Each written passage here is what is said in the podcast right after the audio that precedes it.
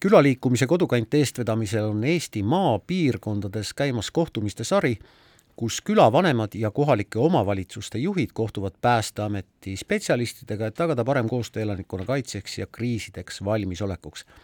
Siiku stuudios on külaliikumise Kodukant eestvedaja Tanel Talve ja Päästeameti elanikkonnakaitse ekspert Anni Alev, tere! tervist! Kui aktiivsed on äh, hajaasustuses ja üldse väljaspool suuremaid keskusi elavad inimesed mõtlema kriisidele ja kui valmis nad on erinevaks hädade, erinevateks hädadeks?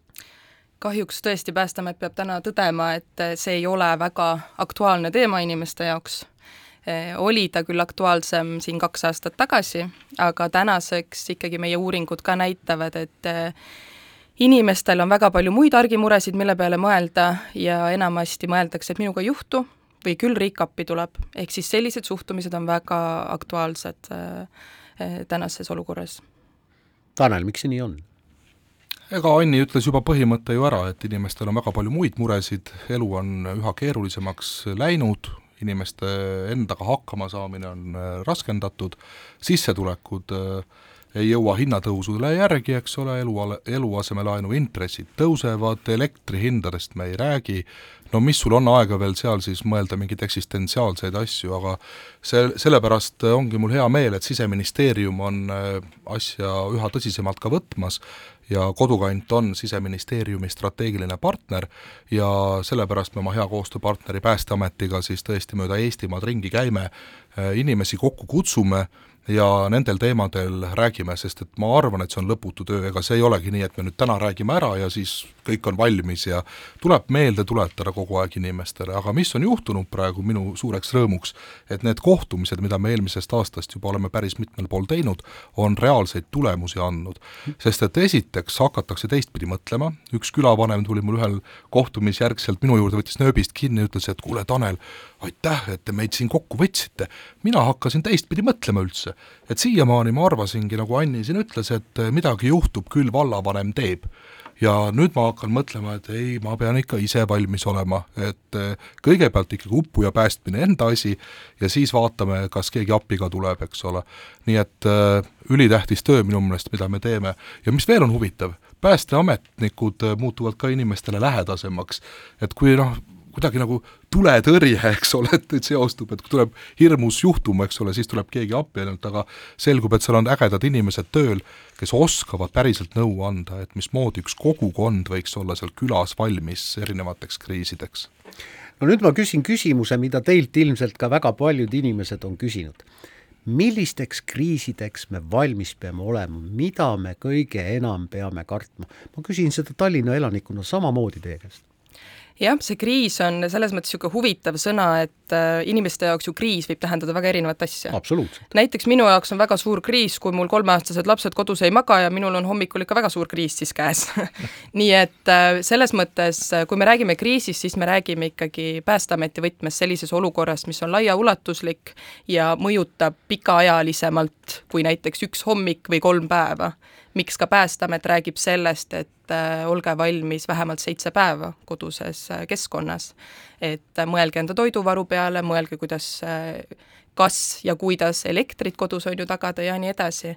ehk siis ükskõik, mis kriis või olukord peaks Eestis tekkima, kui sa oled valmis kas või ulatuslikuks elektrikatkestuseks, näiteks tormi tõttu, siis oled sa ka valmis ei, suuremateks meil, äh, muredeks. meil pole tormi vaja ju, meil on ilma tormitagi elekter läinud, et selles mõttes on äh, eriti oluline see, et sa tõesti tead, mida siis teha, kui kui elekter ära läheb, kusjuures ka lapsed ja, ja noored on hästi tähtis äh, neid meeles pidada, sest et kui ma detsembrikuuses, kui meie külas ei olnud terve kuu aega elektrit kuu aega? ei no vahelduva eduga, ta tuli jälle tagasi, siis läks jälle ära, noh põhimõtteliselt terve kuu kestis see pull, eks see on kriis? üle Eesti, üle Eesti ongi kriis, noh kuidas sa seal elad ja veel ettevõtlusega tegeled. Aga mul oli selline huvitav võimalus käia jõulumeheks meie valla äh, haridusasutustes ja seal tuli jutuks see, et no jälle elektrit pole, eks ole, ja lapsed teadsid, et mis nad tegema peavad, kui vool ära läheb, kui tuba pime on. mul oli nii hea meel selle üle tegelikult, et äh, maast madalast peab ikkagi neid asju teadma ja see on Just. ka sellepärast ju tähtis, eks ole, et paljudes kohtades on ühele inimesele see kriisi äh, valmidus nii-öelda üles ehitatud. et umbes kui külavanem teab, mida teha, et siis justkui on kõik jube hästi. ja me proovimegi käia seletamas, et tehke nii, et iga jumala inimene teie külas teab. kui külavanem läheb rindele noh piltlikult öeldes, kes siis teab, kust generaator käima käib, kuidas need asjad toimivad hästi põnevad on need olnud koolitused ja isegi minu silmi avanud. see eeldab, et ma ei tea, külavaleval või omavalitsusjuhil või, või lihtsalt külaliidril, ta ei pea külavanem olema, vaid lihtsalt tunnustatud inimene, et tal on ikka mingisugune kriisivalmidusplaan, mida ta kuidagi jagab siis teiste elanikega, on see nii või? jaa, mida me Päästeametis A4 jah, noh, vähe paberist ainult ei piisa, elanikud peavad ka tegema või teadma, mida nad siis tegema peaksid selle nii-öelda paberi peal kirjas oleva järgi. et miks ka Päästeamet väga tugevalt ju äh, eelkõige räägime meie tõesti indiviidi valmisolekust, on ju, sest nagu lennukiski, pane kõigepealt hapnikumask endale pähe ja siis sa saad kogukonda aidata. ehk siis kriisiga sama põhimõte, et eks see kriisiks valmisolek ole suht ju niisugune esivanemate juurde tagasitulek. õpi, kuidas ahju tuld teha, kui sul on ahi ja nii edasi, on ju, et kuidas lõket teha, kuidas äh, elektrita toime tulla, et ma arvan, et kui keegi meist oma vanaema või vana-vanaema käest küsib, siis äh, tal on küll kogemusi jagada, kuidas sellises olukorras hakkama saada. nii et tõepoolest, kui Päästeamet räägib sellest indiviidi valmi-, valmisolekust eelkõige ja kui sa oled ise oled kriisiks valmis, siis oskad ka kogukonna peale mõelda. ja siis saab juba laiem mõelda, et kuidas me siis siin kogukonnas koos hakkama saame, istume kokku, paneme paberile kirja, Päästeamet on alati valmis juurde tulema, aitama, toetama, suunama, et kuhu poole siis meie siin oma kogukonnas või külas võiks mõelda, et mis meid ohustab sest ega need piirkondlikud ohud ei ole igal pool samad. noh, Pärnus on üleujutusest mõtet rääkida, Järvamaal ei ole üleujutusest mõtet rääkida. nii et väga oluline on, et see inimene seal külas tunneb ennast seal paberi peal siis ära. no meie mõte ongi tegelikult ju see, et eh, nagu sa väga õigesti ise ütlesid, plaan on kõige tähtsam ja kui on sul läbi mõeldud, sul on külarahvaga läbi arutatud, kõik teavad, et mis siis juhtub, kus me koguneme näiteks, kui täielik black out on, sul ei ole telefonisidet, mitte midagi ei ole, on sul tea, seltsimaja, raamatukogu, kus inimesed on harjunud kokku saama, kõik teavad, et me koguneme sinna, sealt me saame puhast vett ja toasooja näiteks kindlasti, eks ole. aga sellest on ka veel vähe kasu, kui see küla on välja mõelnud selle oma kriisiplaani, mis on juba väga suur samm, aga ta võiks seda teha kohaliku omavalitsusega koos. selles mõttes, et eh, kohaliku omavalitsuse kriisiplaan ju saabki tekkida külade kriisiplaanide noh, kogumist, et kõik omavahel teaksid, kes mida teeb, kui midagi juhtub ega see väga keeruline ei ole, aga eks seda koostööd peame harjutama veel ähm,.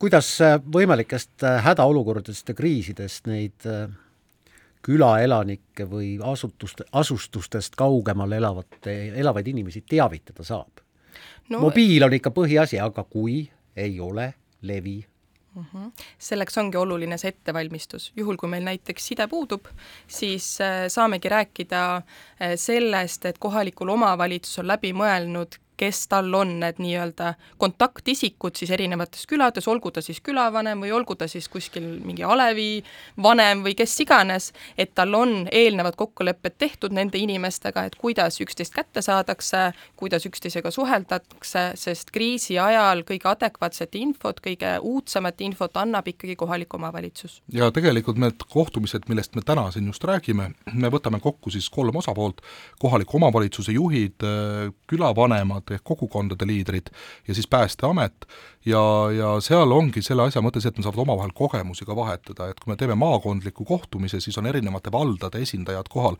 ja väga palju on üksteiselt õpitud ka nende kohtumiste käigus, lihtsalt ei teata.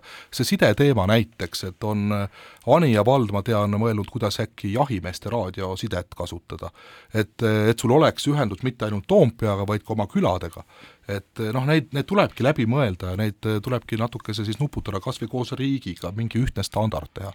Aga need kohtumised ongi just eelkõige sellepärast olulised, et üldse hakatakse mõtlema selle peale, et kuidas ja mismoodi teha.